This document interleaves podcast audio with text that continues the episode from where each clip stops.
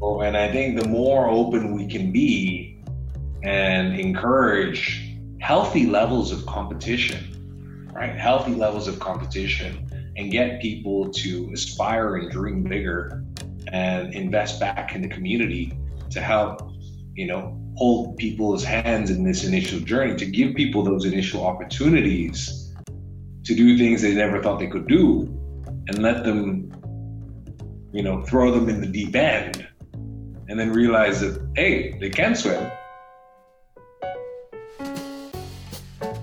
Hi, friends. Today we're visited by Niki Luhur, one of the founding fathers of Indonesian fintech. He founded Kartuku and opened its pathway to become a prominent financial technology company and payment service provider in Indonesia. Nicky also chaired AFTECH, Financial Technology Association, believes that the fintech industry will play a prominent role in Indonesia's economic recovery. Also, for those of you listening to this podcast for the first time, Endgame is an Indonesia based podcast presented by the School of Government and Public Policy Indonesia and produced by Vicinema. Enjoy this episode.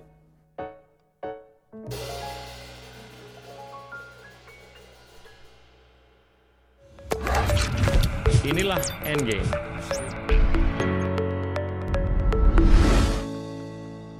Hi, Niki. How are you? Great, Pak Gita. Good to see you. Uh, I've, I've noticed you've grown some beard and mustache. Is it COVID uh, related or it's related to something else? Well, it's the beauty of work from home, right? You get to be a little bit more relaxed.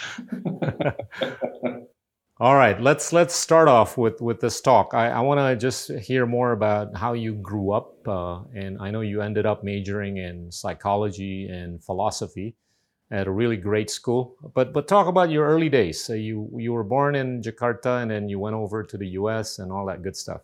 Yeah, so I think you know, born in Jakarta and you know, grew up up until around, uh, and then high school was in the U.S. in California. I went to a small boarding school there, and I think ever since I was a, a kid, I was I was pretty obsessed with computers. Uh, it was honestly gaming that got me very obsessed with computers and very competitive with friends. And and how I started using the internet was actually just to you know play play games online against friends. So I mean I I remember you know playing a, on a on a 1200 bps modem or and then a 14k modem and realize you know dealing with the pains of connecting with that that beautiful screeching sound of the dang dang and yeah all of that good stuff. So for for me it was it was gaming that that really got me you know and and really a lot of strategy and first person shooters that made it really competitive and got me looking into how do I overclock my processor? How do I upgrade my GPUs? What do I how do I upgrade my the RAM and my memory just to get that extra little edge on your frame rate? Um, and, and in the end, and then of course, as things went online, understanding how to network and how do you reduce your latency on the network. And in the end, I didn't even realize that it was, you know, it was really about computing for me. It was just about gaming. it was about beating my friends at the game. And, and that was the real motivation. But, at the expense of your school time, of course. Oh, I did. So that was actually something my parents did very well. Is they okay. they, they managed to incentivize my uh, good academics with uh, getting gaming upgrades. so they they figured out okay. a good cycle. So I would okay. work hard in school, so then I could get those uh, PC upgrades and uh, and then enjoy my games even more. okay. And and you went to college and studied psychology and philosophy.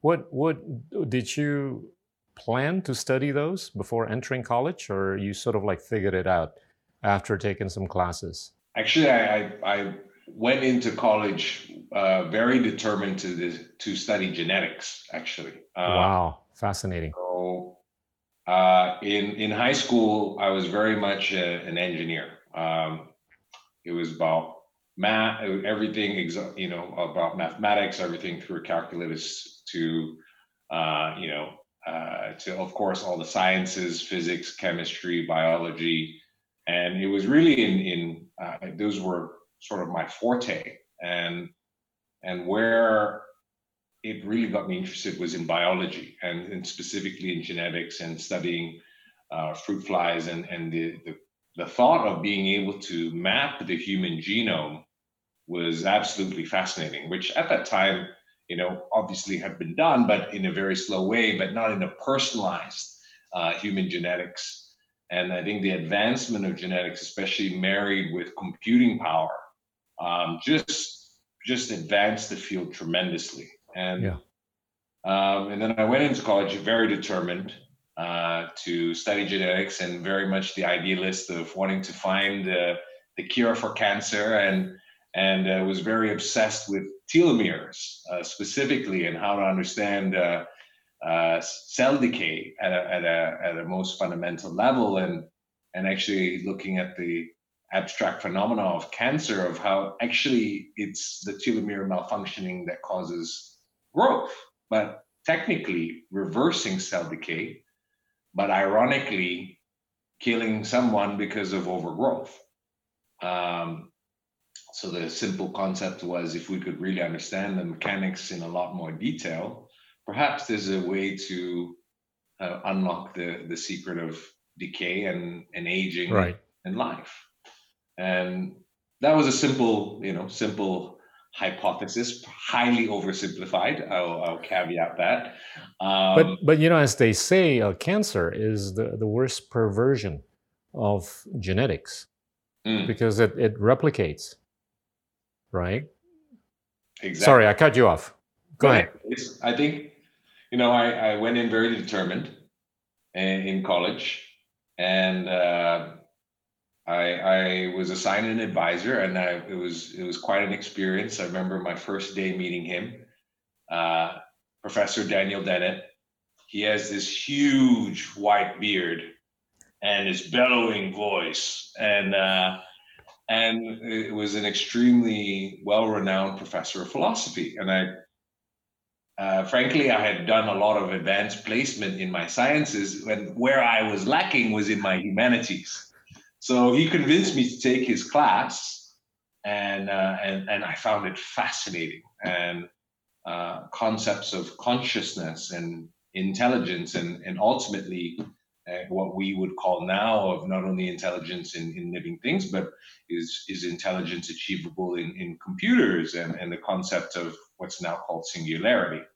Um, but back then was very much his theory of consciousness. And I found that absolutely fascinating.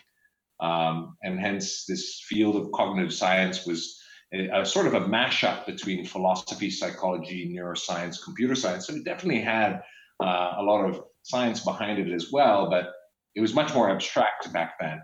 Um, you know, and and I think that's where it got me really interested and fascinated. And on the flip side, uh, I placed into some advanced uh, genetics courses in my freshman year, and um, to my to my dismay, I found that I was assigned to doing another fruit fly experiment where twice a day, you would have to knock out and count these fruit flies and breed six generations of fruit flies.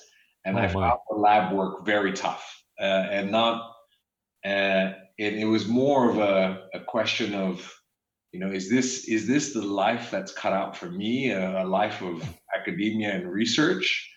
As much as I loved it intellectually, I thought the the rigor, the academic rigor uh, that's needed and the persistence and persistence and discipline. I, I, say I have to tip my hats to all of those PhDs out there that have, uh, I'm sure, spent thousands, if not tens of thousands of hours to perhaps come up with, you know, very, very minimal results. And you have to keep trucking along and, and that, you know, and some, and then hope for that breakthrough. And I think that's an incredible amount of patience yeah. and and I learned that I, I don't have that patience. and, uh, and, and they so I, uh, I started exploring different areas and, and very much inspired by uh, Professor Dennett and and he opened up this whole new field that I had never explored. And I, I just became fascinated and then obsessed. And then I never really thought about what I would do with it. Um, but so it was very much an idealistic view of study what you find interesting and study what you love, and hopefully it'll all work out. You, you probably know this, but some of the earliest geneticist uh, was actually a philosopher by the name of Aristotle. Yes, yes. he was one of the earlier guys who basically theorized about the theory of genetics, how we carry hereditary qualities or attributes. And the field um, of psychology was also born out of philosophy. Exactly.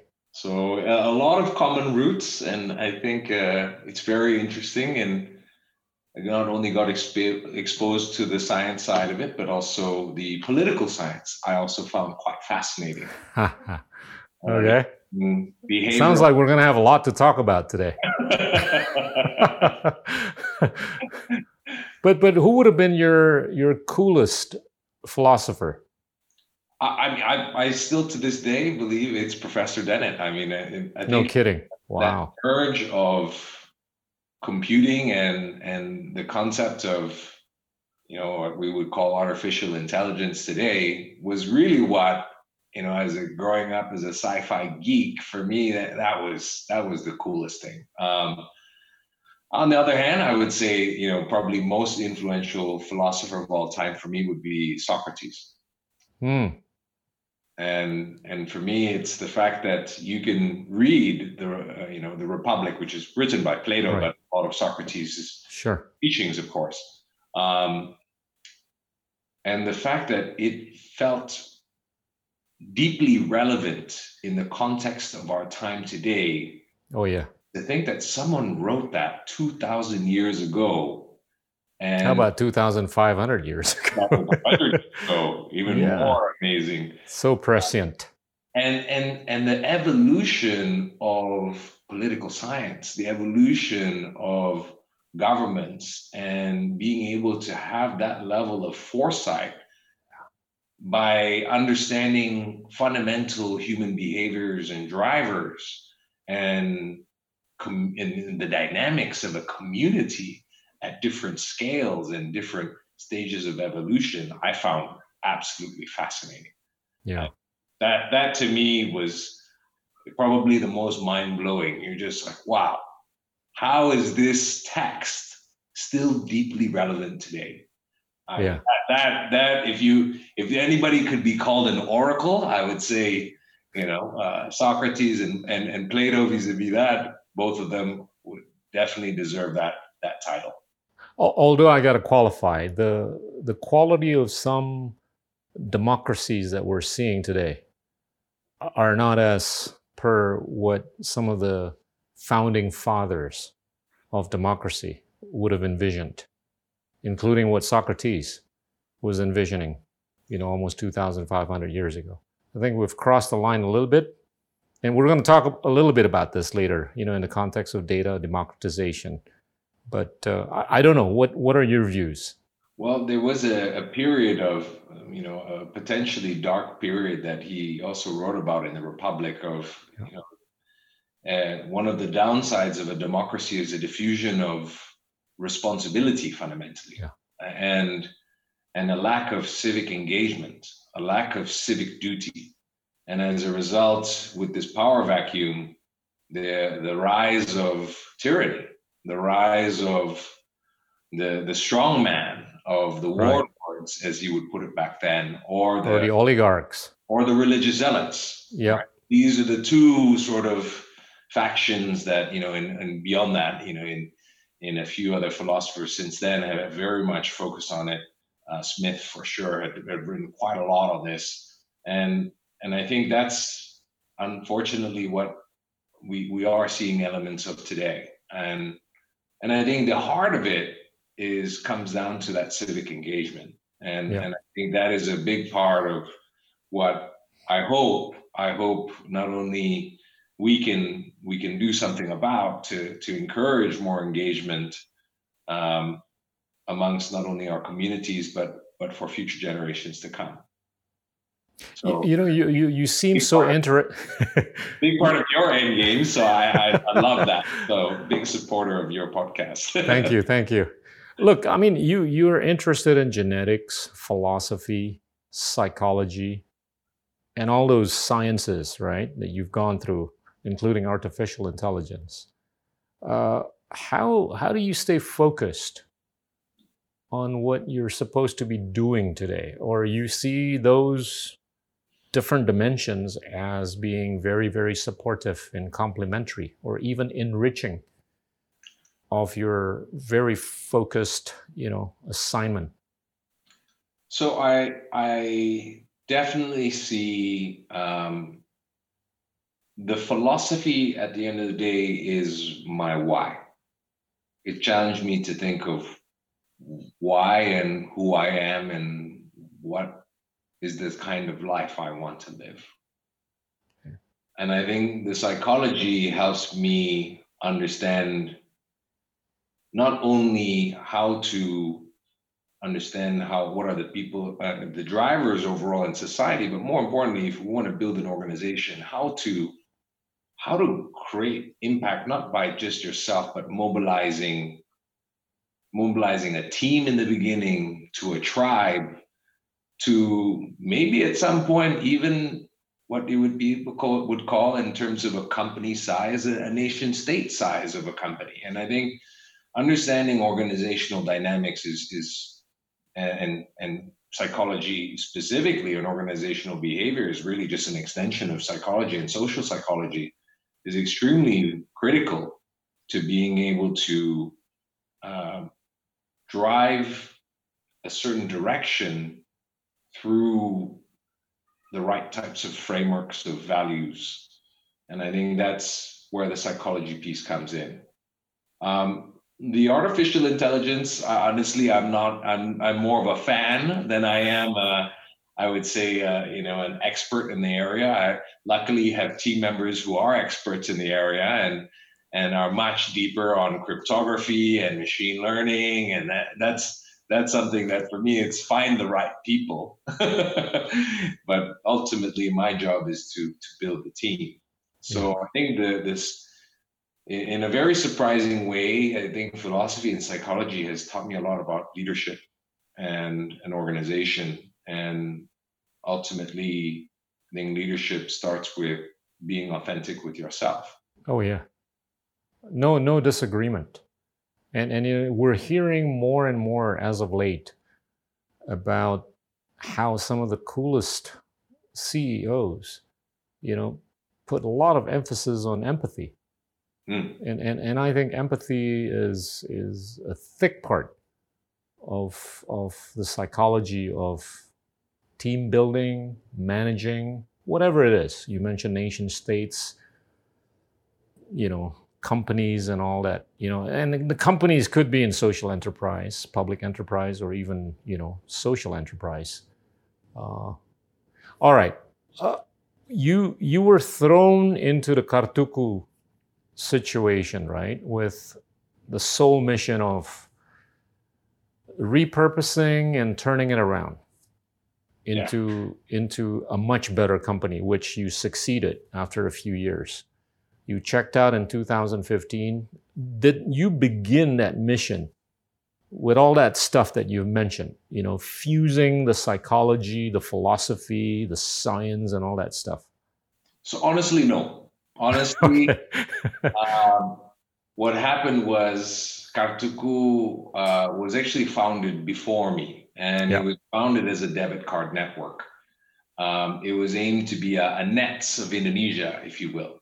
Right. And um, and my my father was one of the angel investors in there. And uh, and frankly, it was a last ditch attempt on a sinking ship to see if anything could be done, if anything could be salvaged. Uh, I just graduated college, and he gave me this chance, and I was always fascinated by the the business model of building out payment networks. I, I found it incredibly fascinating. I was very obsessed with networks in general and actually initially was more about proliferating education via uh, you know via virtual classrooms and sort of a hybrid model, but that, that's maybe for another day. Yeah. So I was very obsessed with the concept of networks. And that was, so this was just a financial network. It was a, it was a niche network, if you will, um, and specifically a payment network. So it was within my sort of area of deep interest. Um, but frankly, I just graduated and I knew nothing. And it was uh, it was get thrown in the deep end and see if you sink or swim. And uh, and I realized it was a very daunting exercise. Um, but I worked hard and I Googled and Wikipedia'd a lot, and had to learn on the fly. And uh, and I think, you know, with all things, ultimately it comes down to motivation and the why. And I was very motivated to a. I love this business, and I was thrilled at the opportunity to be leading a company at at the age of 22. Um, I mean that is just unheard of. And of course, it doesn't make sense if that company is well run. I mean, who would let a 22 year old run a, a, a well run company? It's only the defunct ones that you know you get thrown in as a as a last ditch effort. Um, but I realized, you know, it was I, I was very scared. Um, I, but it was almost a position of what do I have to lose? I have nothing to lose, and what I you know, I sort of live by the mantra of what I lack in experience, I will make up for in energy. And it was just sheer brute force. sheer brute force, sheer hours. I was working about 100 hours a week back then. Okay. Uh, and just poured in the time. And it was an obsession. It was an obsession to pass one of the these almost impossible, you know, uh, tasks. But I was determined that uh, at least I'll put in everything. And uh, if it doesn't work out, I know that in the end, I'll I'll I'll be okay with knowing that I, I really gave it my shot. And and and at least I can tell my father, hey, at least I, I am give I'm paying you back somehow here for all the the decades of generosity and uh, and here, here I'm giving back to you and don't say that I haven't come back to help. no, that that statement is going to be an inspiration for a lot of people out there. You and, know? and you know, I at the time I felt I was quite mixed about it, but at the same time, I, I did feel a duty. Uh, as yeah. I was not forced or compelled, and in fact, it made it harder. If my father had told me in a forceful way that I had to come back, I probably wouldn't have. But he made it, okay. it so inviting that it was my choice, when in reality it was pure inception. And uh, it's he, it's called parental creativity. yeah, something I'm, I'm going to have to learn. yeah. But yeah, uh, after one year, got the company to break even, and then could start breathing, and then could start being creative. Just worked hard and figuring out cash flows. There was it was pure it was a pure numbers game and kicking every tire and and and figure out what what was monetizing how to deploy the assets we had to generate cash and how to cut the ones that didn't and it just had to be just really really forceful and and and get it done make it happen and that was the year that actually was one of the most painful years of my career but one of the most rewarding because that was a year I realized I could do a lot more than I thought I could. That that would have been how many years after you checked in? That was one year. Wow. You you got it to a break even situation in one year? One year. And you felt pretty good, right, about the future. I felt, pretty amazing. And and uh, it was super scrappy.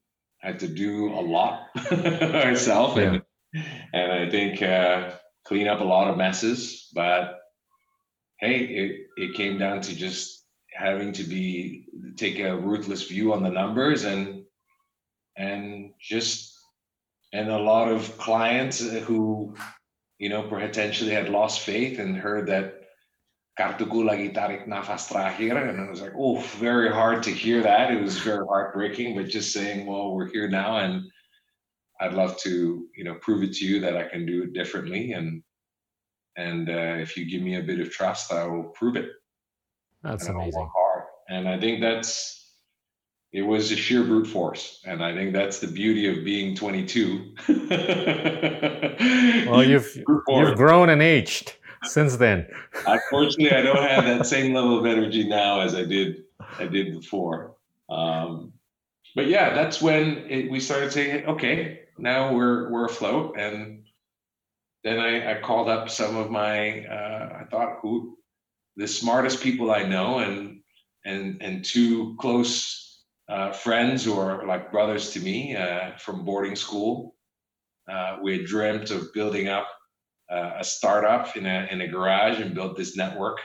And I called them and I said, "Hey guys, well, I've I've got a garage and I've, and I've got a company, got a startup, and we're building a network. So why not? Come on down and let's see how it runs." And next thing you know, it was a it was a 14 year uh, well well here I am about 15 years later but we ran that for I ran that for about uh, as a CEO uh, until uh, 2015 early 2016 actually. So ran it for 10 years uh, as CEO and then uh, stepped up then stepped back to be chairman which is actually when I felt I really became CEO and I realized that I had been letting go is I, I had not let go enough, and uh, and and and and then in 2018 we exited to Gojek. Yeah, a lot of people don't know that you laid the foundation for what is today known as GoPay. Right? What what made you want to check out? I think uh, you know we on on and and kudos to the Gojek team. I think right. Uh, amazing job of hyper scaling and blitz scaling, and probably the example of blitz scaling in Indonesia, in arguably Southeast Asia. Uh, they did an amazing job in terms of growing, and kudos to Nadiem and, and Andre and Kevin. I mean, they've they've done a, a phenomenal job there. Um, I think for me, it was it wasn't so clear actually. I think what what I wanted to do is I needed to make it clear that you know as we went through an acquisition process that that that things my fiduciary responsibility to the company came first and foremost. That I was representing the interests of Kartuku right. shareholders.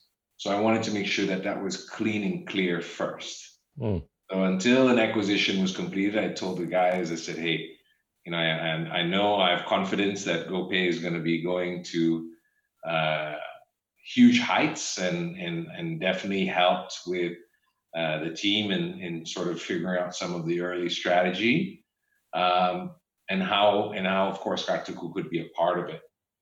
But at that point in time as well, I also looked at, you know, where, where things were going and, and as as big of a rock, you know, a rocket ship that they have over there.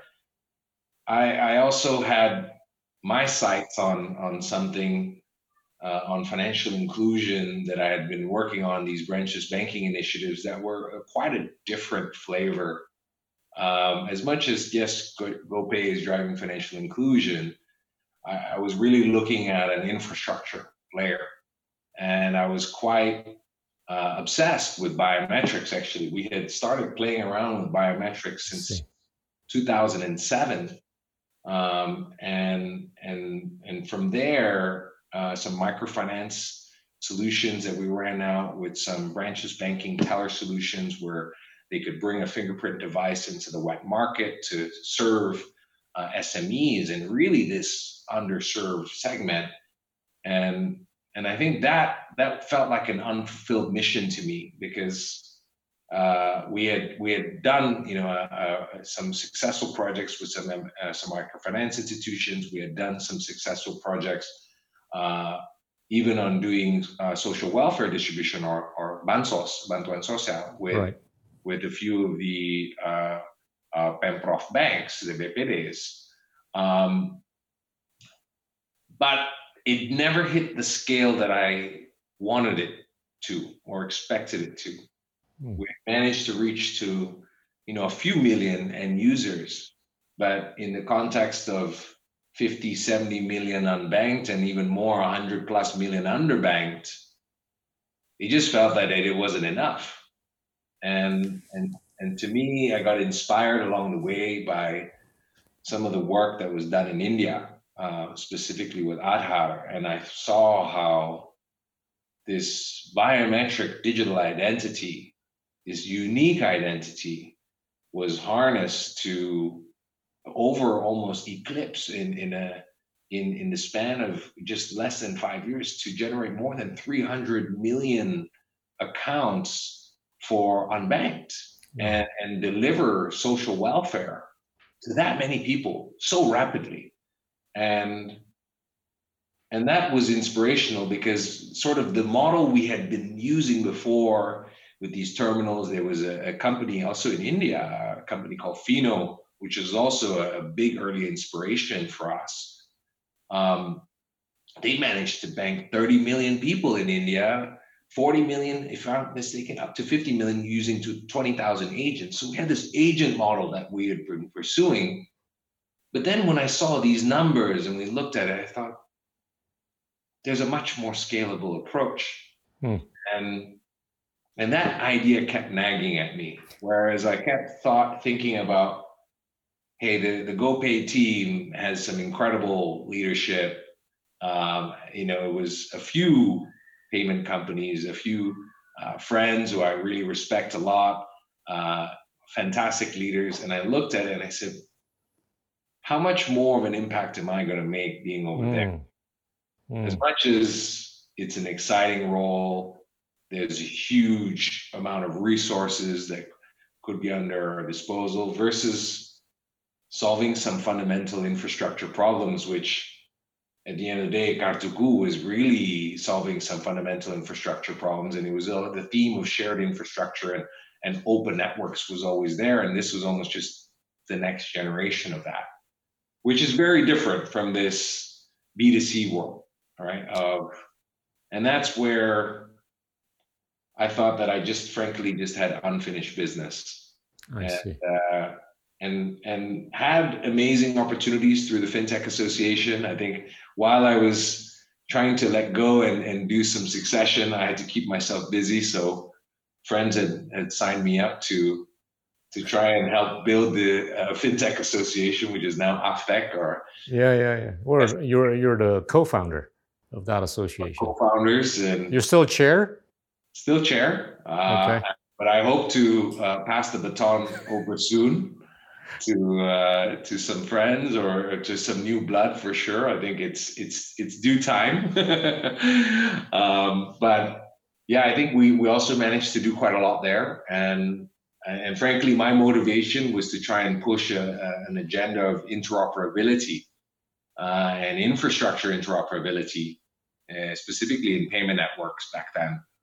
Uh, but it turned out that everybody else and a lot more of the B2C companies wanted to push an agenda of KYC and and yeah. Uh, KYC and digital signatures, and that was because that was affecting their customer conversion. So yeah. sort of made a pact to say, okay, this these are the most important agenda items. They, let's let's band together. Let's create a list of agenda items that we all believe in, and we all get behind all of you know these priorities together and we move together. Hang on i want to i want to pause a bit. Uh, take you back to the kartuku situation. I mean it gopay has done a kick-ass job right? But but i smell and correct me if i'm wrong a bit of a fatigue within you at that time. Now i'm just asking with the benefit of hindsight if you had stayed you think you would have done or could have done a better job until today with that platform as compared to what GoPay would have done? I think what they've done has been phenomenal. Yeah, I, um, I'm not questioning that. But if you had state, you think you could have brought it to a higher level? I'm not entirely sure. I'm not entirely sure. And I think I think the way that I work best is is perhaps in a smaller team environment. Got it. And and I think that has would have given me, I mean, today where I am, I think I'm optimized for my creativity. Um, whereas I think with with the GoPay team, there's a lot of variables and a lot of teams to manage and a lot of coordination. I think it's very challenging. Um, it's very challenging to align, especially uh, it was actually a merger of four companies, four payments. Uh, I mean, three payments companies and Gojek, all at the same time. So you know, I think some of those achievements have been fantastic. And I'm not sure if I would have been the best person to handle some of those challenges. Um, and frankly, I had been doing Kartuku. I've been in Kartuku for 12 years, and and That's why I said fatigue. Could that have been a factor? yeah, I think part of it was I never had a blank canvas. Okay, got it. And I think there there was parts of where Kartuku had gotten to that uh, had its limitations in the business model. It was quite uh, physical, asset heavy, a lot of capex, a lot of physical devices. I think we did a great job in terms of uh, deploying it offline, but building out all of that physically is is quite challenging, and we had to support 156 cities logistically in terms of support.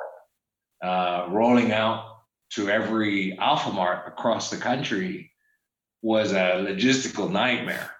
Um, so I think some of that was was definitely where I felt that it had its limitations, and as much as and definitely the future for me was much more about the you know the the bits over the atoms right? And and software. And i felt that you know we because of how much that we had already done in the history of the company it, it was not as easy to move on to some of the next generation.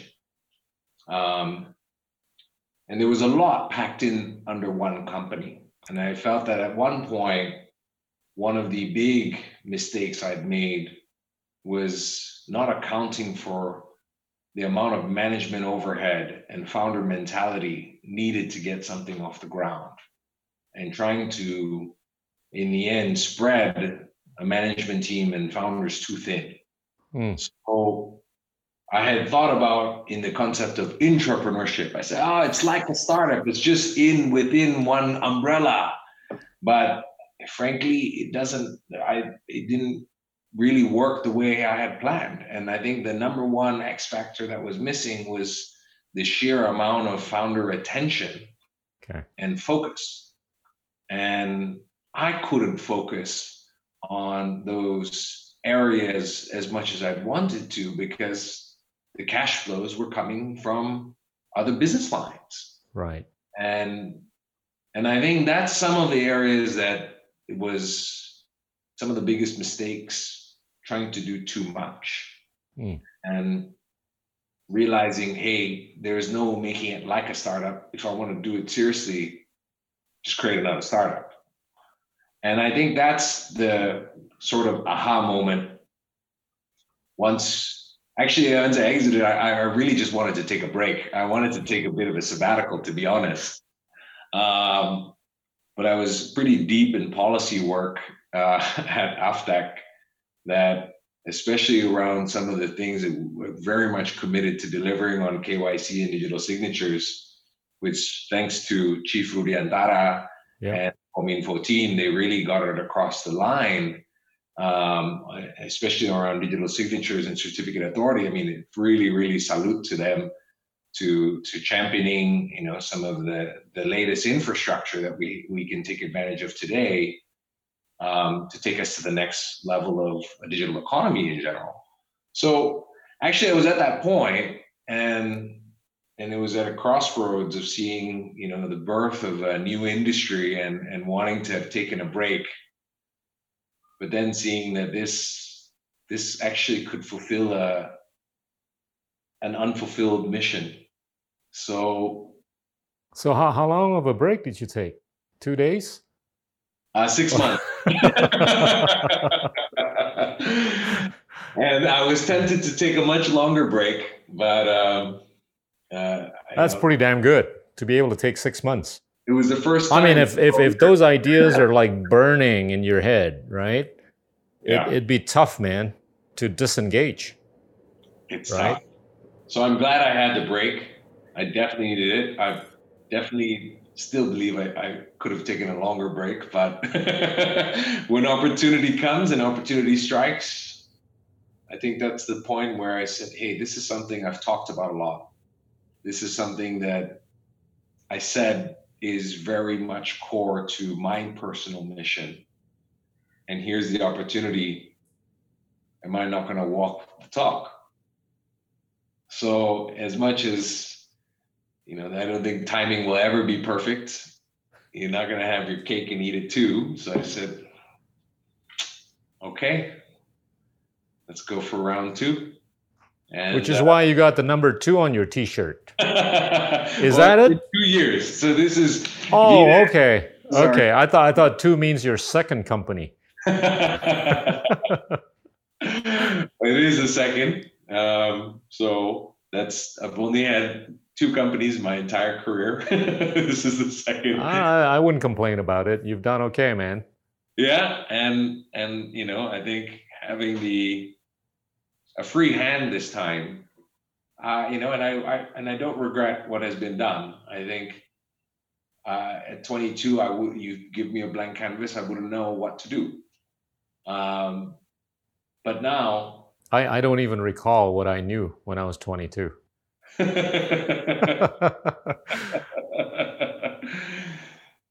yeah, finally, I kind of had my own clean slate and the ability to really put this put a vision a mission a team and and and have the why and the how clear from the beginning. Not so much the what. I think the what was clear but more importantly is the why and the how. Hmm. Talk, uh, let's peel the onion about the why and the how so when i look back at Kartuku, especially when I was on my sabbatical. I finally did some solo travel, which made me feel like I was in, you know, just graduated from college. I was always envious of my friends who, you know, in between jobs, got to travel, got to go here and there, got to move and live in another country, and and and I felt I, I never had I, I missed out on some of that. So there was definitely some FOMO but once I traveled and was doing the things that I, I thought I had missed out, I ended up spending a lot of time uh, in introspection and just actually almost peeling the philosophy onion back again and and reading some of my uh, you know reading some of my favorite philosophers and having that downtime and and asking myself the very hard questions again you know and and even harder now because okay there is you know you can have a lot of lofty goals and say okay no i want my financial freedom first. I need to have my my tools. I need to get my tools and my toolkit ready first. Um, but then when it's there and with set of experience then the question became clearly well there's a lot of things i can do right now or there's a lot of nothing i can do as well and don't get me wrong, it was very tempting to go and uh, move to Bali and uh, and enjoy the sunset every day, uh, and and live a more carefree life for a period of time at least. But I think it, this this quest for inclusion just kept being in the back of my mind of constantly nagging and this being able to drive financial inclusion through branchless banking, through you know latest generation identity technology, whether it's biometrics, fingerprints back then to then facial recognition now. Right. I just saw there was a perfect storm of convergence of technology that was happening, and and I was in a position to try and do something about it. And it became, and after working on the policy front and collaborating with a lot of brilliant folks at the World Bank, they have a special unit called Identity for Development, and uh, and it was very much linked to the Sustainable Development Goals, and I, it opened up my eyes that identity, you know, biometrics is not just about financial inclusion, but it could lead to access to education, it could lead to access to healthcare, and fundamentally give that basic foundation for people to live their life's potential, and and this me this digital leapfrog in technology could really proliferate access. Mm. And at the same time, if not done well, could actually leave a big digital divide. So to me, it was the same calling in a different form. And, it, and if anything, the vision grew much, much, much bigger. yep. And almost to the point where saying, am I am I absolutely insane for trying to do something like this? but and you know i was tempted to even consider a career path into the venture capital world where could be supporting entrepreneurs and and go from you know sort of narrow and deep to sort of that helicopter view of being able to get all the intellectual stimulation of working with a bunch of entrepreneurs i also found that really exciting but i just felt that I, I you know this wasn't i just hadn't given it my all yet and and I thought that if I don't do it now, I don't think I'll ever do it. You know, I thought I know that how much energy and sweat, blood, and tears goes into a startup. This time I'm not so blind to that. I was very cognizant and and a five-year commitment isn't gonna cut it. You know, it has to be at least 10 years. And the oh, question oh, yeah. for oh, me, yeah. am I what do I wanna dedicate 10 years of my life to? What do I want to commit 10 years of my life to? How about 25 years? At least. You know? Yeah, probably 20 years, 25. Yeah. No, no, this is this is how I look at you, right? I mean, your your early stage would have been really taking financial inclusiveness from a low level to a higher, if not much higher level box checked. You've squared the circle. Stage two would be I don't know if you want to call it regulating the financial inclusion dimension or even embellishing it even further by way of this biometric you know capabilities. I mean you want to make sure that people that are actually being included financially are the right kind of guys right? Yeah. But but i think it it also is an enabler, right, of those that would have been disabled mm. or unable. And, and I, I see that more as an augmentation as opposed to a regulation.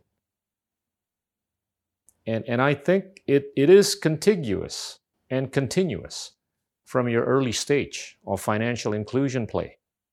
Mm. 100%. And and the proudest achievements for me when I look back at Kartuku, as much as you know, we rolled out an innovative sort of unified payment processing model with Carrefour and McDonald's, and we had 23 financial institutions. We had Bank Mandiri and Citibank as clients, and we're very proud of that.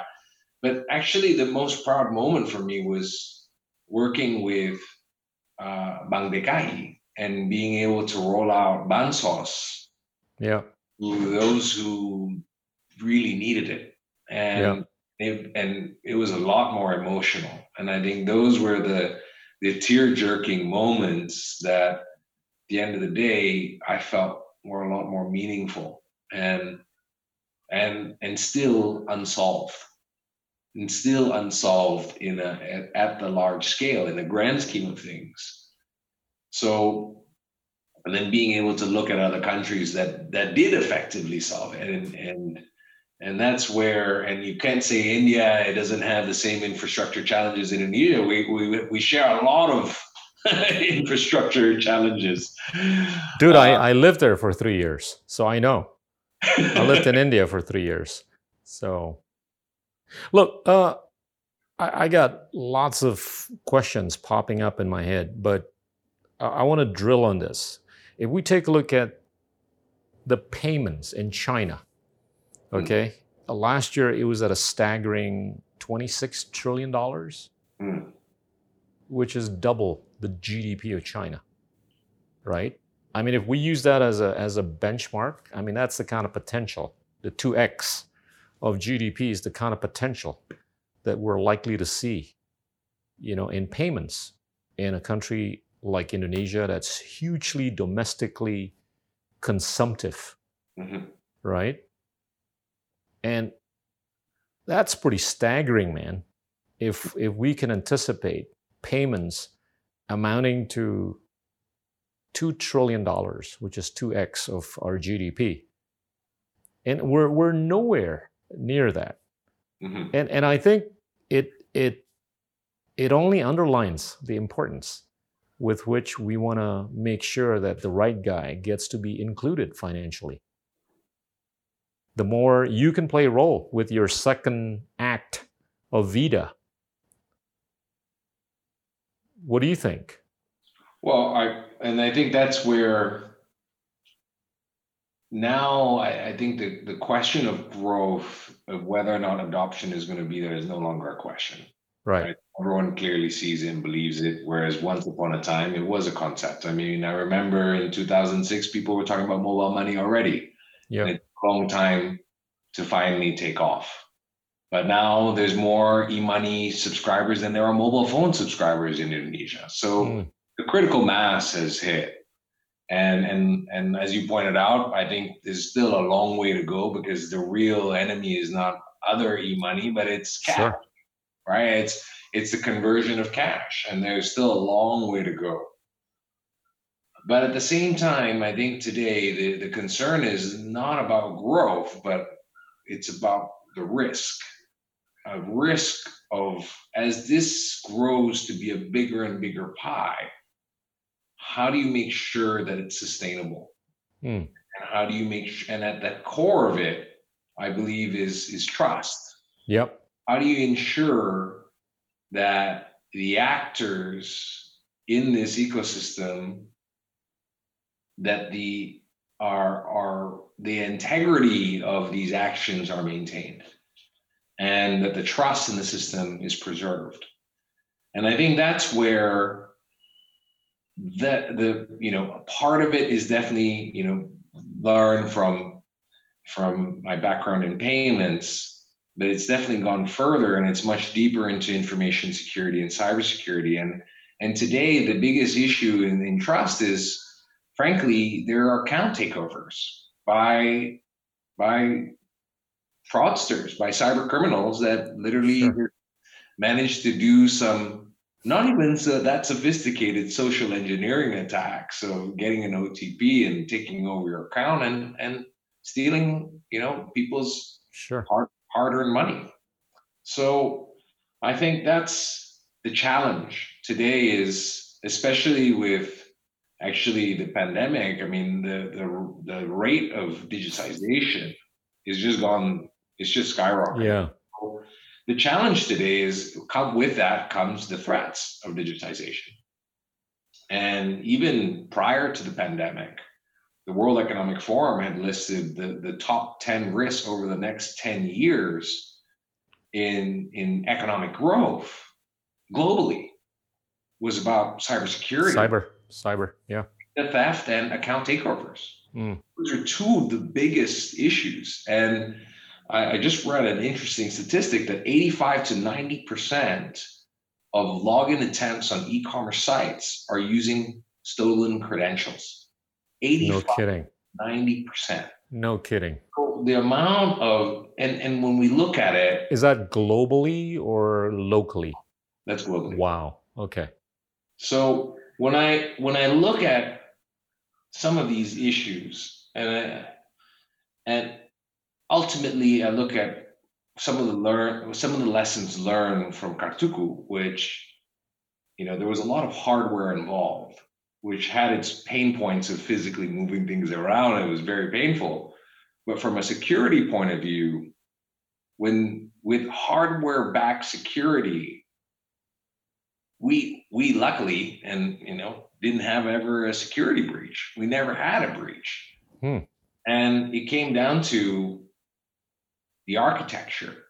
It came down to, I think today's design of the internet was driven by, you know, resilience of a communication network, right? And I think it was designed off the, initially off the premise of being able to preserve communications in wartime events, right? Of if you knock out a communication tower, that all the communications will go down.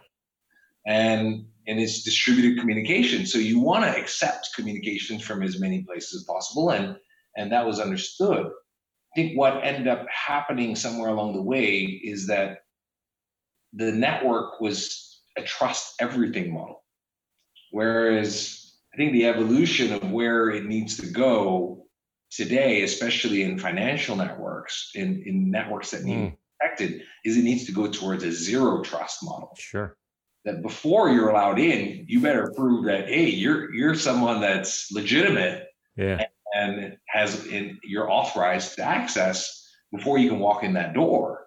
And even then, there should probably be a series of doors, not just a single door, and and it shouldn't just be an open field where everyone can can gather, but a little bit more of the medieval times of let's build the moat, let's build the drawbridge, let's build multiple layers of walls and that's good defense. It's not about a single layer of defense. It's about building multiple layers of defense.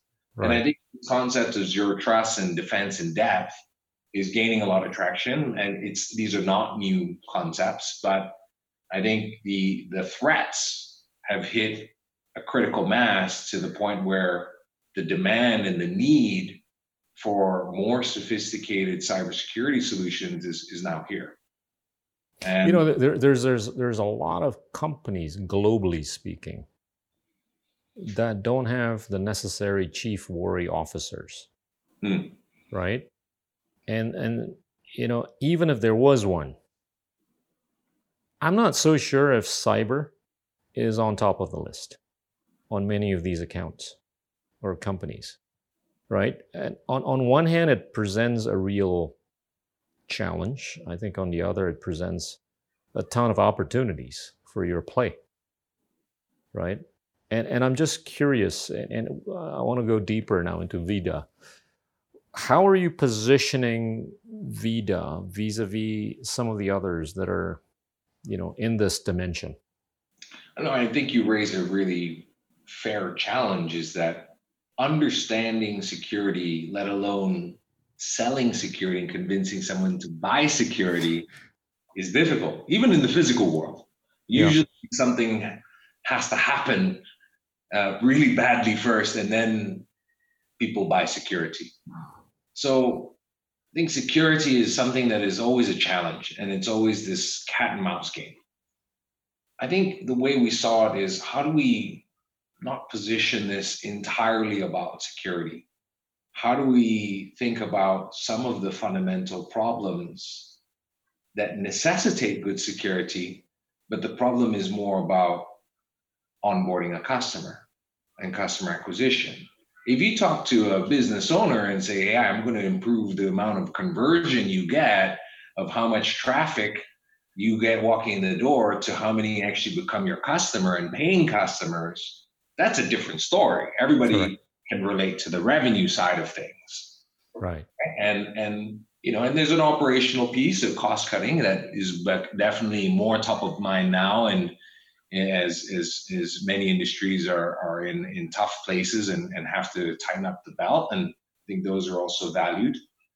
But for us, and and and frankly, it's almost a bit of a perfect storm with the work from home and now having the work sure. remotely and, and adopt digital means. But I think from us, it was it was actually the way I saw it, and, and the way I had approached this was by trying to solve an industry problem first. Um, and the industry problem arose at the FinTech Association, hmm. and it was about KYC. It was about, hey, I don't, if I'm doing a fully digital service, asking someone to go meet me face to face is just going to, it's going to kill my conversion.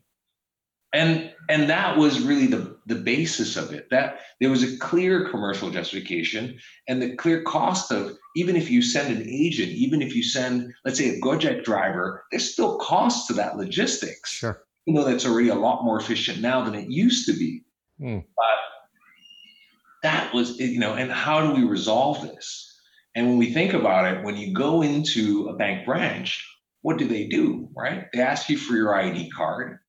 They eyeball the photo on the ID card and they eyeball you and say, okay, this person looks, yeah, this That's pretty good. yeah, pretty good, pretty good. Or they'll they'll make a joke that, hmm, used to be a lot skinnier, huh? but you know, beyond that, I would say then the next thing they say, okay, well, here's the terms and conditions to being our customer. Do you agree? And you say, oh yeah, yeah, I agree, and you sign. You use a pen and you sign, and that wet signature is an artifact of your consent. That I agree to the terms and conditions that you present me to providing your service, your financial service.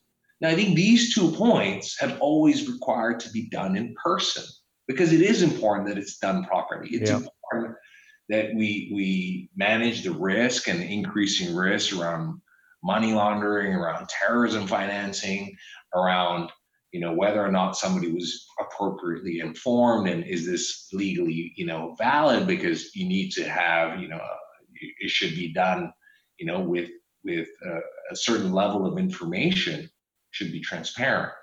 So as we progress along these issues actually my I, I wasn't even planning a startup to be honest. It was just about okay how do i help you know here and work on a few policy fronts and, and bring the community hopefully together and a united front.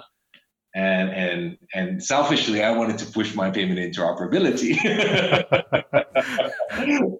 So it was it was something there that in the end i realized that this is actually a really big problem um, especially It for is. are facing businesses. And and that's where the solution necessitates good security because you need a digital signature but what is a digital signature? And and if you need to verify someone's identity how do you do that effectively remotely? So the product requires strong levels of security and technology before the legal assurance levels can be met. And thankfully there's global standards. And thankfully we have a very you know supportive and progressive uh, regulators and, and and and ministries that that could actually push some of this next generation policy into place that allowed for this next generation technology to be leveraged so and and i think it was just that perfect storm so Yeah. yeah it's a combination of you know compliance technology threats evolution uh, and and at the end of the day uh, you know the industry wanting to adopt the Yeah.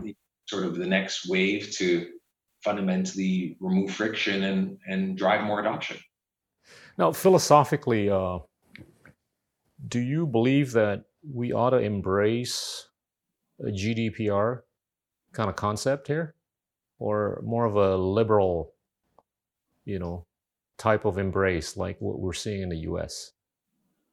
I think the principles of gdpr are extremely good Okay. I think it comes down to is implementation. Okay. And I think the tension is the belief that if we implement GDPR, that data is going to stop flowing. And if data stops flowing, then the digital economy stops flowing. And I think that is the delicate balance that needs to be achieved. Um, and this is where I, we don't believe that these things are mutually exclusive. The same way that there was always a paradigm in the past of the more secure you make something, the less user friendly it is, right? Or the more user friendly, then you sacrifice security. And there's always a, a trade off. And Right. I don't think it is a trade off. I think Yeah. you need to think about new architectures. Sure.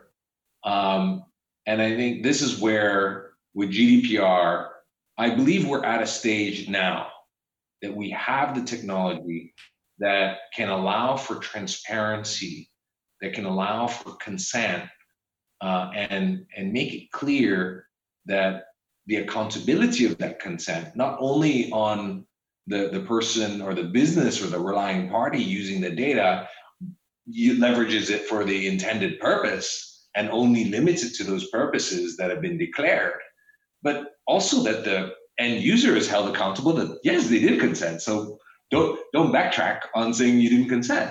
Now, at, at the same time, allowing for flexibility that sometimes people make mistakes. And one of the basic things of the right to be forgotten. This is something mm. that's quite difficult to implement. But with the latest, I think uh, at the basis of this, I, I think is really about consent before I go into any other areas. And if we think about back to the analogy of what is the artifact of consent, and if I go to a bank branch, how do I demonstrate that I do consent to the terms and conditions? It's a wet signature. And now you can leverage a digital signature. So the proliferation of digital signatures, I believe, can assist, can help in some of this implementation. But it's it's almost an in- inevitability, right? Yes, and I think that it's important, right? I think data privacy and consent is now very top of mind, right? I think yeah. there have been areas of big data breaches, there have been areas of personal information being shared to third parties that you know, at some point could, you know, influence an election. yeah. or on another side, you know, be used to, you know, uh, target market you in ways that you and, never- and influencing elections results are not uniquely in developing economies or countries. They've happened in more developed economies or countries. So I think there are these genuine fears because we have seen these genuine risks. Yeah. And and I think it's only a matter of time that we do have to act and and and just ensure that again not to stop data from flowing data needs yeah. to flow but make sure that the reasons of how it's getting used what it's getting used for are clear and that someone agrees. I don't, you know, if you say, Am I okay with sharing my location data? Uh, is not a clear yes or no, right? If I'm just on a, you know, unknowingly walking around, maybe not. But if I'm trying to find a place and I want to use Google Maps to find that place and help me navigate, yes, by all means, use my location data. Otherwise, how am I going to get there, right? So it, it depends a lot on context, and I think that's yeah. what ultimately, you know, um, we need the technology to assist. I think we're at a point now that there's a lot of there's a lot of startups also working in the space uh, on privacy related tech that that can help us get there quickly. I think you know early days of GDPR implementation in Europe, you know, check into a hotel and now this, you know, now the the receptionist can no longer scan my passport. They can't photocopy my passport. So the poor guy has to handwrite every you know only the limited data allowed and and as a result i'm there waiting for him to handwrite every single detail as well and and you know and a bunch of people behind me. So i think if it's not implemented well it can slow things down and that is something we need to be cautious of. But if there's, we deploy the right tools we can have the best of both worlds. There's there's this theory or argument that you know the, the europeans tend to be a little bit more strict with their GDPR concept because they're not beneficiary of the tech space as big as perhaps the United States would have been in terms of job creation, in terms of monetization, and all that good stuff. So, would you or I could argue that it's it's economically driven. It's not data security driven. I think there is definitely a lot of truth to that. At the same time, I think the level of breaches are, are at scale and, and the consequences of those breaches are reaching new heights today than they ever did before. Whereas mm. in the United States, I think it's only a growing level of concern over data privacy. Even right. in the Valley, right? Even in California, especially in California, in fact, where arguably they've harnessed the are you know probably some of the the greatest wealth creation um, from that. But there is now, I mean, it, it, they are very much most the one of the highest levels of concern in the United States is coming from California and sure. it's coming from Valley directly. So I think it, you know, just like any sort of level of innovation, it tends to be a pendulum swing one way and then yeah. back to the other. Yeah. Think we're starting to see it swing back to this other area of concern and and hopefully it doesn't swing too far that things stop right? And i think that's something that we want to be conscious of. Am i okay with sharing my address? The, the question is for what? If i ordered something online yeah of course. You better send the logistics guy my address otherwise the package is never going to reach me right? Um, so and just making sure that okay the person that needs to know that information for that reason it's fine. Yeah. But let's make sure it doesn't just go to you know uh, to anyone who who decides it or someone who wants to pay for that information can get it and use it for you know a lot of potentially malicious motivations. Yeah. And that's and i think that's the concern right? And i and i think we are at a day today where you know controlling information transmission is almost impossible hmm.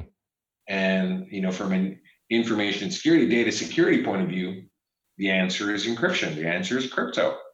And just encrypt it. And you don't have, and the, the key, no pun intended, is, is actually who stores the key. Sure. And how do you hold the key?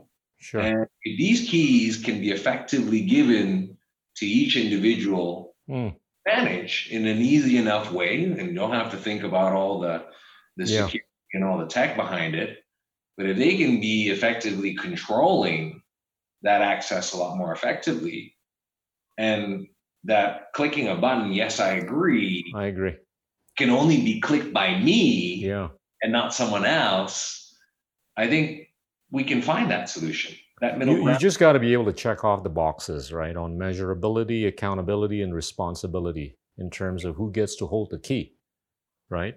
But exactly. but go, going back to the earlier point, it's just very tempting to hypothesize that at the rate that places like Indonesia or Southeast Asia are going to be great beneficiary of the tech, you know, movement in terms of job creation and monetization.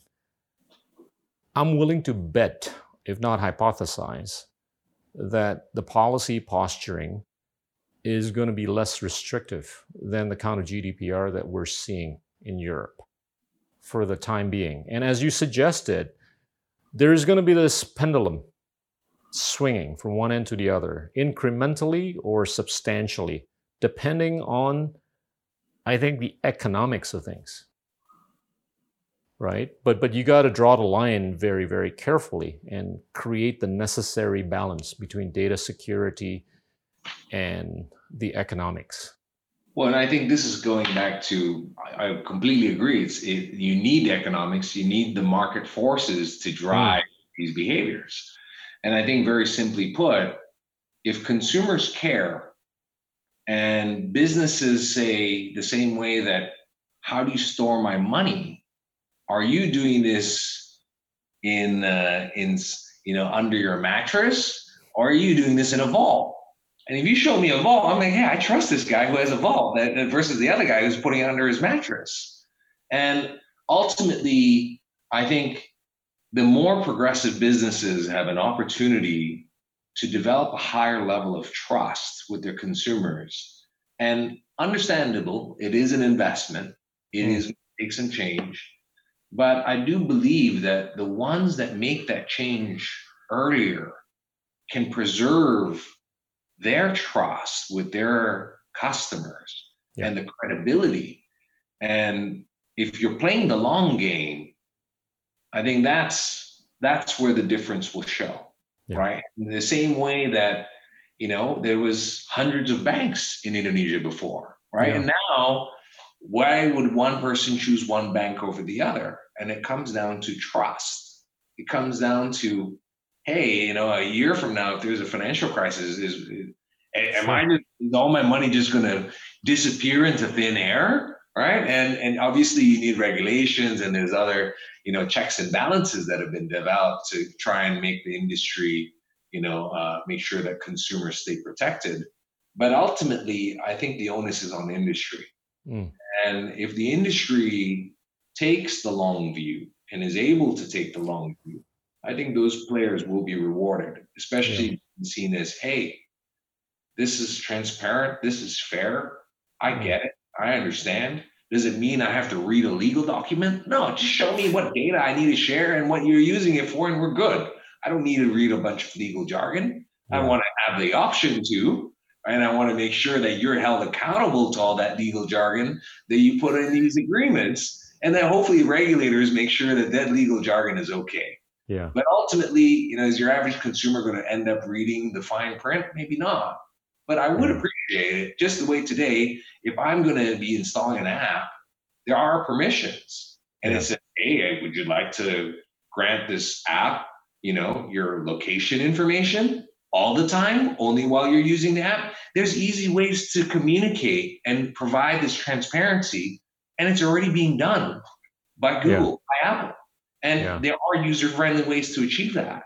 Yeah. So, again, I don't think that this is uh, rocket science, right? I think the solutions are there. The question is, is the will there? And consumers care and are more demanding, or if somebody is willing to put a bet that they will care, yeah. and, and people gravitate towards that, then I think that you know there will be a natural evolution in industry. And and, and the ability to take the long view and yeah. and un- unfortunately, even in in some developed economies, some of the large players are still not able to take the long view, and that that I think is a mockery.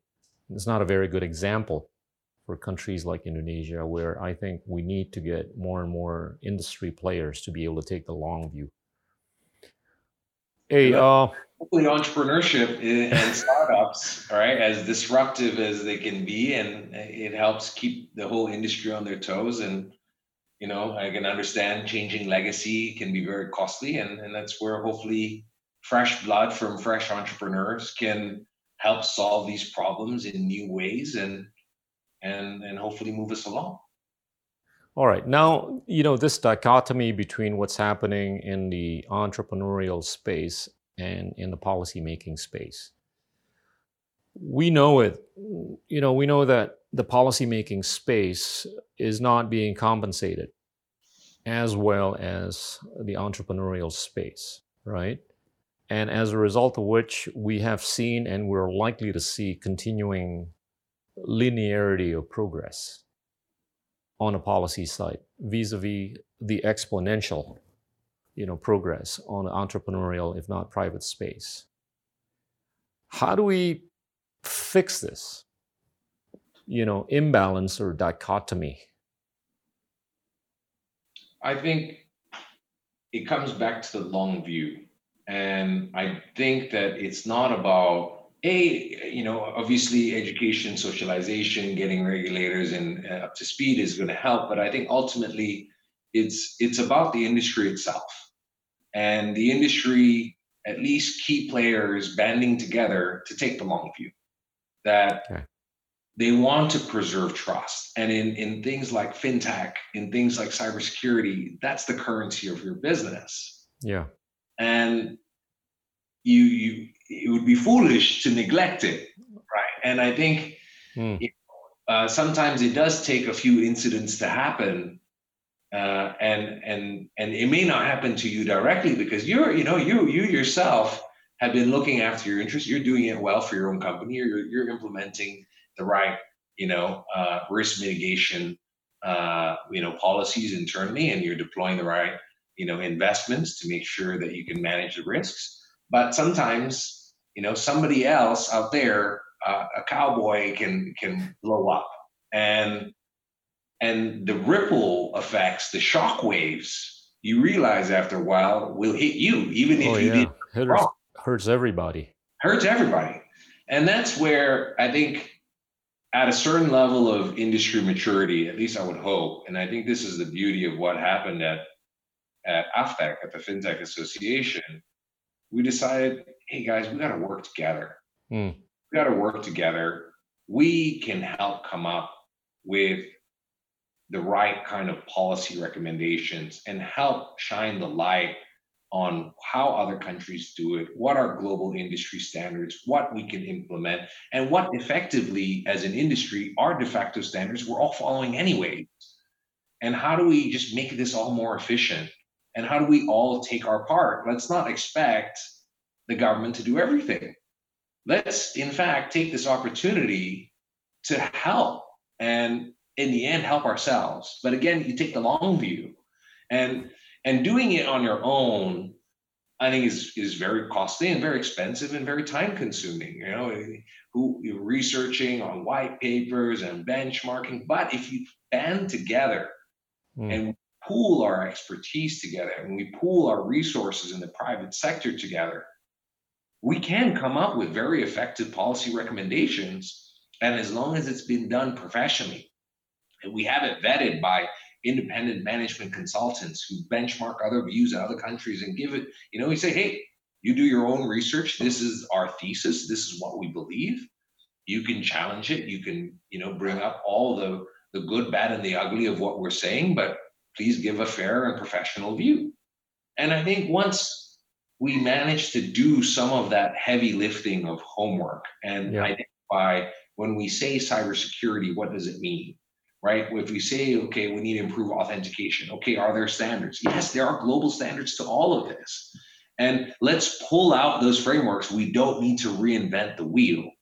And let's help guide that along and present the facts as fairly and as clearly as possible to make the decision making process of policymakers a lot easier. And yeah, as as a devil's advocate, would would you agree to the notion that such body that would be responsible for making the policy recommendations ought to be as inclusive as possible, as to include non-industry players, as to reduce the bias of policy recommendations. You, you may want to include academicians you may want to include, I don't know, NGOs that you think or we all think could be stakeholders in what matters. And I think that's that is something that we do. And it's something okay. we firmly believe in is making sure there are independent views yeah. that are there. But I think at the at the first and foremost of being able to untangle what the industry needs to unpack growth should come from the industry constituents. Oh, yeah, absolutely. Right. Yeah. And I think aligning the priority of that agenda, but then validating and verifying is that agenda a fair agenda and ensuring that there isn't too much bias. There will always be bias, yeah. but making sure that there isn't too much bias and involving you know professional third parties, whether it's you know the from the world of academia, we often do uh, involve uh, for example, we work together with quite a few universities that have that are strong uh, practitioners and advocates of cybersecurity to help you know chime in on these cybersecurity frameworks. Are these fair or not? And both not only uh, in Indonesia, you know, respected in, in institutions, academic institutions, but also abroad. So we try and balance this out. We we also are fortunate to get a lot of help at the at the FinTech Association. We get a lot of help from uh, the Gates Foundation as well, which helps connect us to a little bit more of the international community. We have people at the World Bank help chip in their views as well. So there's a lot of different perspectives. Mm. Uh, what we try and do is try and help distill it and simplify it, but at the same time, be transparent. and Say, hey, you can talk to all these experts. You can engage them. Here are the people that we believe are are, are you know have a, a strong level of, of expertise and knowledge in each respective domain, seek them out. And maybe they'll consult with you directly. That's fine. You know, and we just want to create as much transparency. Our our policy papers are all published, they're all online. So everyone can feel free to read them, to critique them, to give your comments and and and do it as an industry as a whole and beyond the industry as, as a large community. So I think it's it was it's been a, a, tough mission. If anything, it started off a little bit more like a think tank than you know as an than an industry association, and and I think there's still a lot of work to be done, and ultimately, you know, it, it relies on a lot of people to take the long view, a lot of entrepreneurs to take the long view, to volunteer their time yeah. and their expertise, um, and to take a fair view.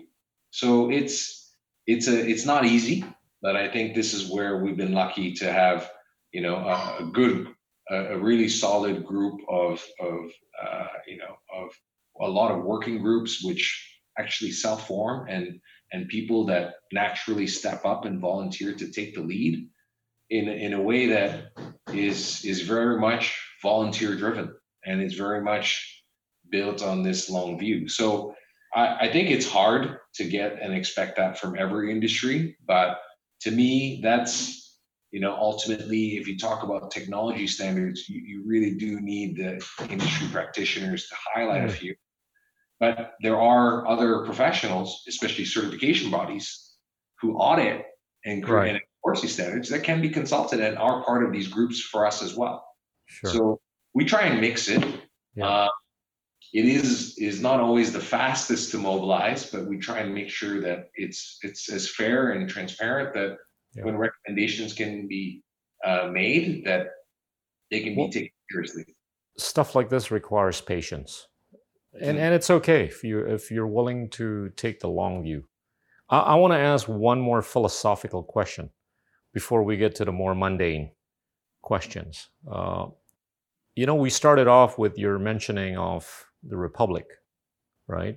And and I did mention about data democratization, mm. and and I've been making the point a few times earlier uh, in other discussions about how data democratization has not really yielded the kind of equality mm. of opportunities, welfare, and all that good stuff as we would have envisioned.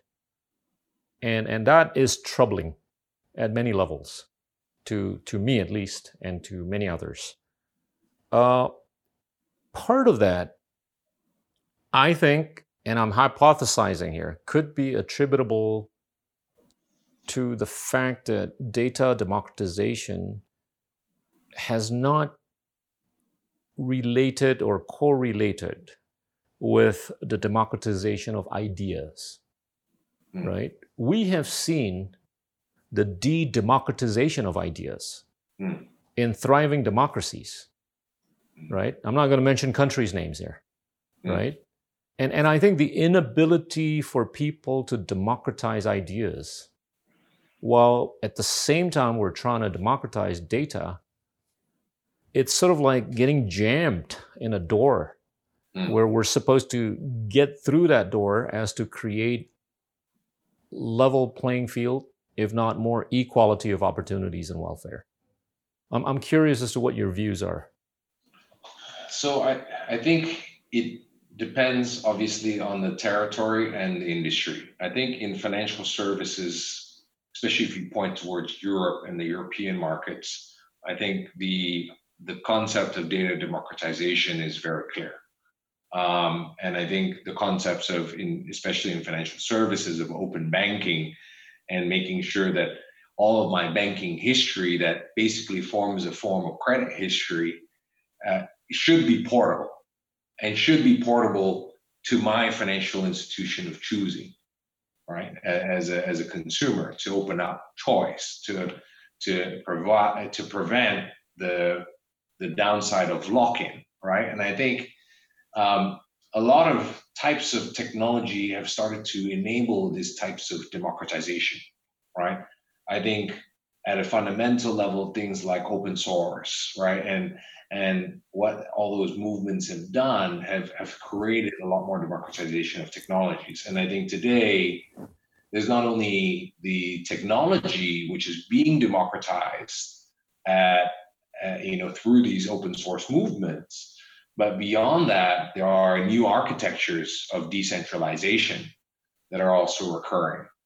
Now, decentralization of security is something that you almost would say is an oxymoron for a lot mm. of the time, right? And I think one of the you know the the controversial uh, topics that is now prevalent everywhere is is cryptocurrency. Sure.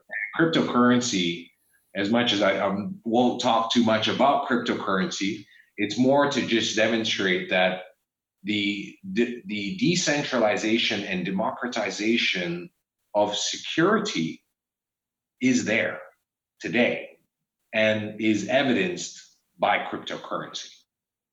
So the ability to hold a digital asset that has value is already proven at scale today. Yeah. Now it's applied to an asset that is considered a currency, but to me, that same type of technology can be applied to data. Now, that has is not as simple and as straightforward because then you have to think about data exchanges, how do how does data flow, consent frameworks, etc. need to be thought out more carefully. So it's not exactly plug and play, but the, the concept of democratizing the ability to and decentralizing the ability to own a digital asset is already at scale today. Yeah. How do you apply those same concepts to data? I think is not so far away. And it does rely on, I think, regulators and you know, I think governments to take a proactive view and and, and get their heads around this. But it, you know, more importantly, is industries that need to preserve that trust. And I think, you know, not only as I've referenced a lot around financial services, and obviously I have a big fintech background, so I'm clearly biased there. But if we look at healthcare today and we think about what are some of our most sensitive data, it's probably our medical records. And there's definitely, and there's a lot of red tape, there's a lot of bureaucracy to try and change anything there. And and rightfully so because it's very sensitive. So there's a lot of points to consider. I think one of the silver linings of this pandemic is it's forced us to evolve. Yeah. And forced us to think differently. And and the next, you know, sort of big buzz that's happening today is the concept of a of a vaccine passport, which is effective which is effectively a digital medical record. Yep. Now, if you can already start achieving and cracking through some of those barriers of understanding how to exchange very sensitive data like medical records and these types of frameworks start to get established other data like financial services seems a lot oh, easier yeah. right so oh, yeah.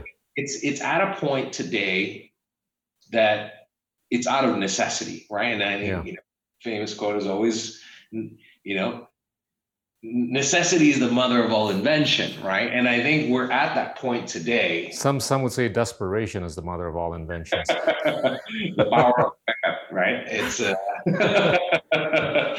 so. But let me let me push on this, Niki.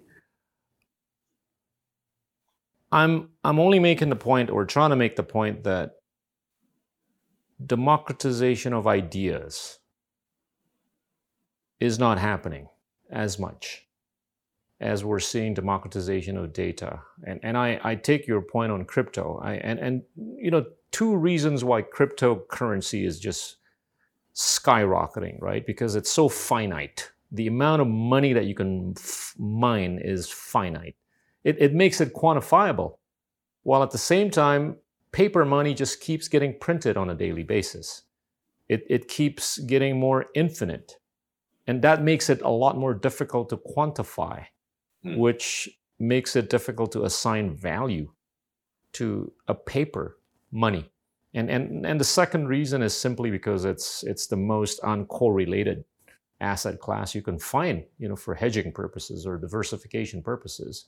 But going back to the idea of ideas not being democratized well enough, I think it correlates with our continuing inability to create equality.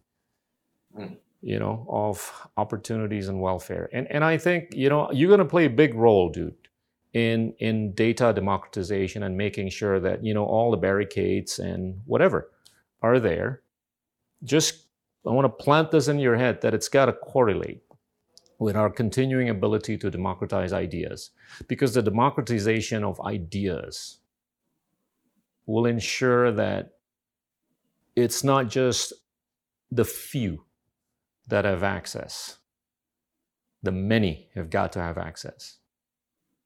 Right? And, and we've seen how the social networking platforms have basically, you know, shrunk, you know, the, the funnel within which ideas flow from one end to the other to the point we're seeing only two obvious echo chambers mm. as opposed to many echo chambers. Mm. And, and each echo chamber is not communicating with the others. Right? And that I think is, you know, a factor as to why we're not seeing, you know, declining Gini coefficient ratios in developed economies and developing economies. Mm. No, I, I, definitely agree about the polarization of these scaled networks is something that actually kind of went against the initial premise of you know of being able to create more ideas and connect yeah. people. Yeah. Uh, and it is it is something that was a surprising consequence, uh, and I think few expected. Um, yeah.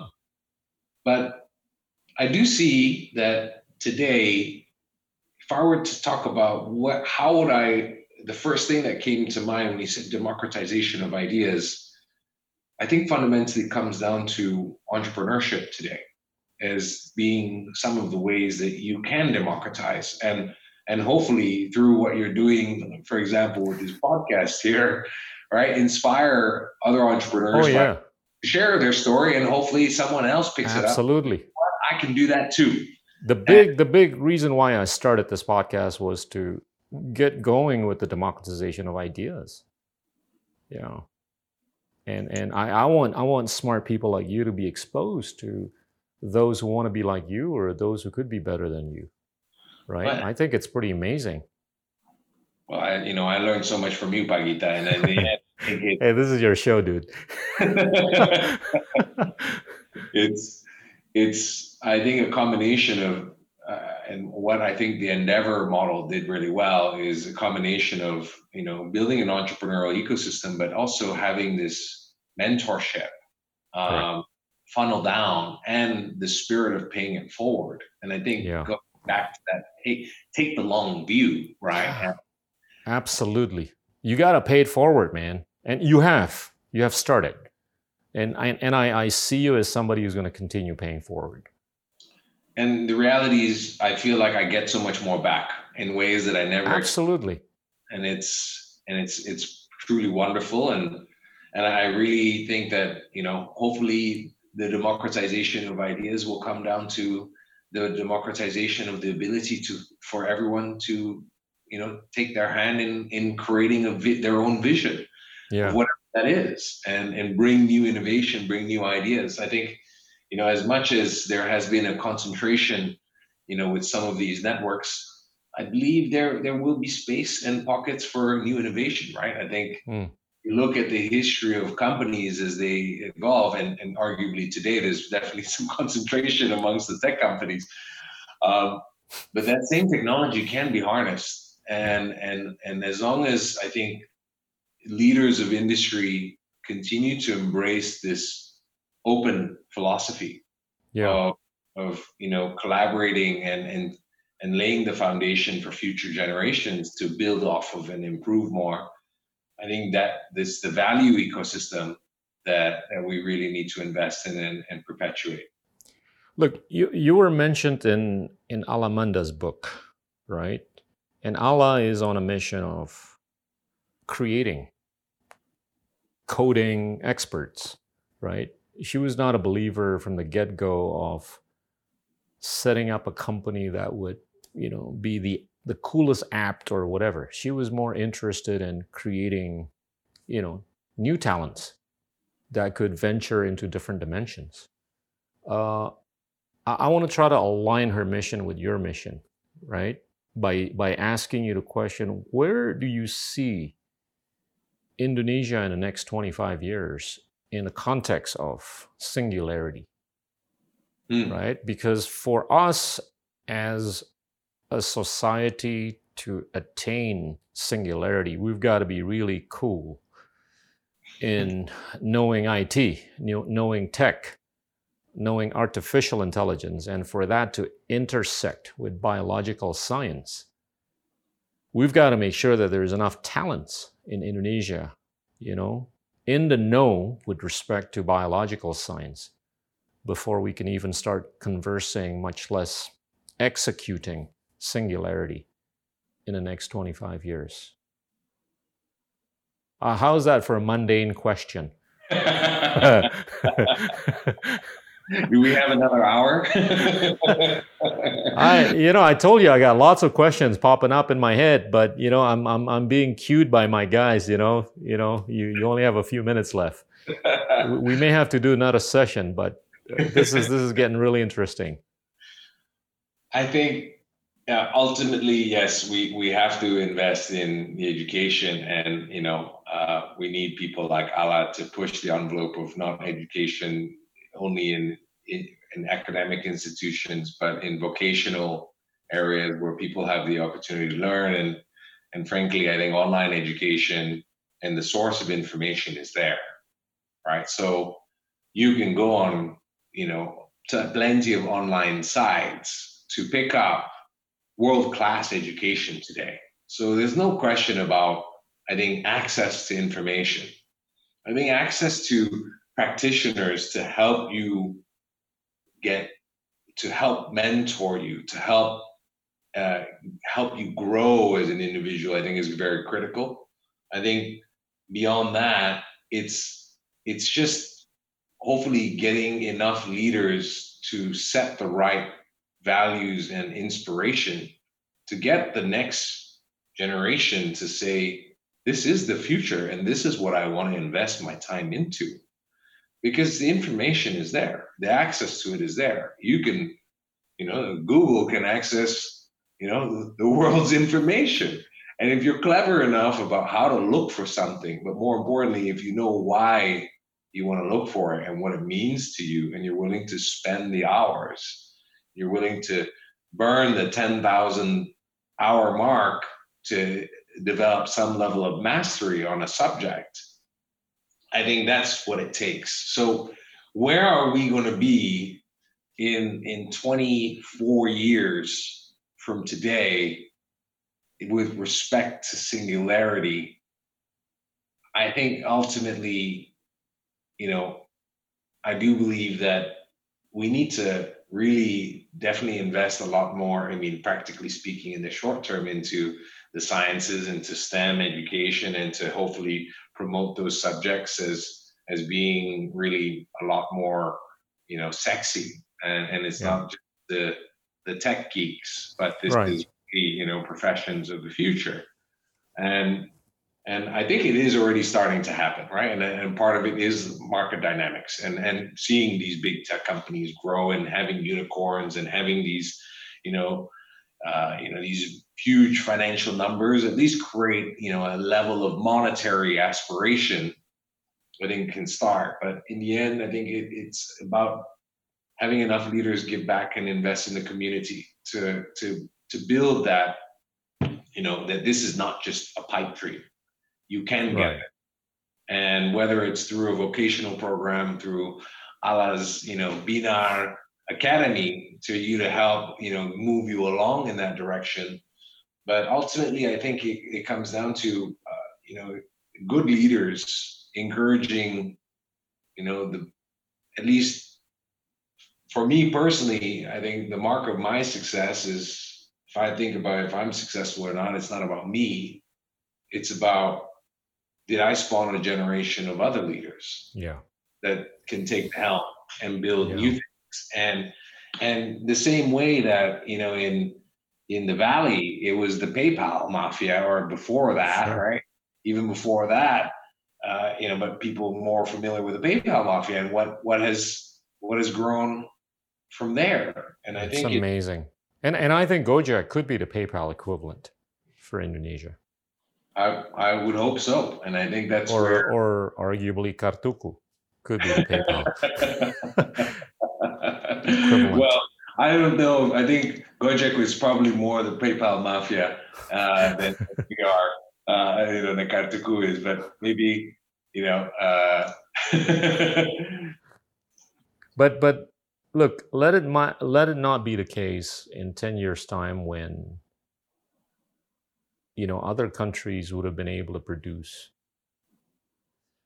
more developed humans. Yeah. In science and you know empirical science and biological science. Well, and I think here we are not getting engaged in the conversations, much less the execution of things. Well, and I think that's where you know the transfer of knowledge can happen in a number of ways. And I think being more open and even open to having you know experts from abroad and being able to learn from experts from abroad as well is something that can definitely help move us along. Yeah.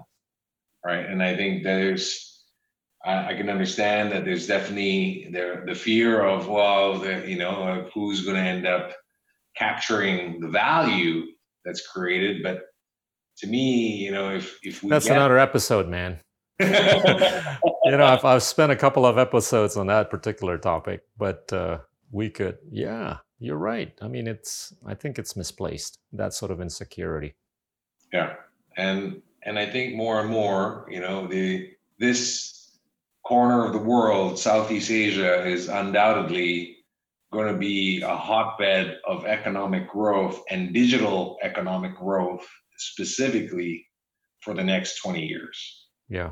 And I think the more open we can be and encourage healthy levels of competition, right? Healthy levels of competition and get people to aspire and dream bigger and invest back in the community to help, you know, hold people's hands in this initial journey, to give people those initial opportunities to do things they never thought they could do and let them, you know, throw them in the deep end and then realize that, hey, they can swim.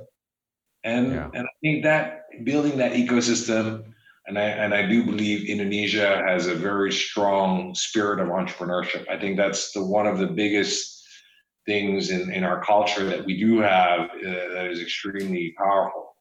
Um, and it just needs to be channeled in a direction of, of the sciences that hopefully will, will help make that grow a lot more exponentially. Yeah.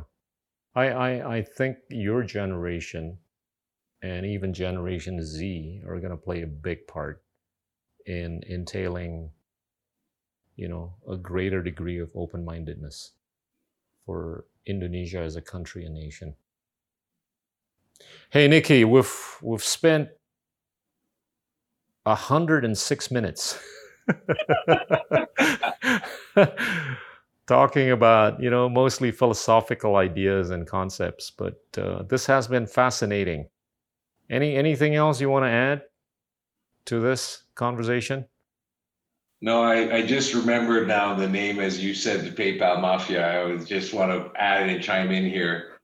I think Gojek's the PayPal Mafia, but Kartuku is arguably Fairchild Semiconductors. there so, you go. There you go. I hope that you know we we we could serve it as an inspiration. And thank you, Pak Gita, for uh, you know for for doing this podcast, for for helping democratize these ideas, and and I you know and and getting the word out there uh, I, you know, I think it's so important what you're doing, and really appreciate what. Thank doing. you, thank you, and I and I wish you all the success for Vida and you, and stay healthy, man. Yeah. You too, Pak Gita. Thank you. Okay, thank you, teman-teman. Itulah Niki Luhur, founder dari Vida. Terima kasih. Endgame is a podcast by the School of Government and Public Policy Indonesia the first Indonesian policy school to offer a full time master's program in English, and is a production of Visinema, Indonesia's award winning entertainment and technology company. Oni Jamhari and Angga Dwimas Sasongko are our executive producers. Ahmad Zaki Habibi and Jimmy Kuntoro are our supervising producers. Hana Humaira and Farah Abida are producers. Bobby Zarkasi is our director. Aditya Dema Pratama is our director of photography. Video editing by Felicia Wiradian.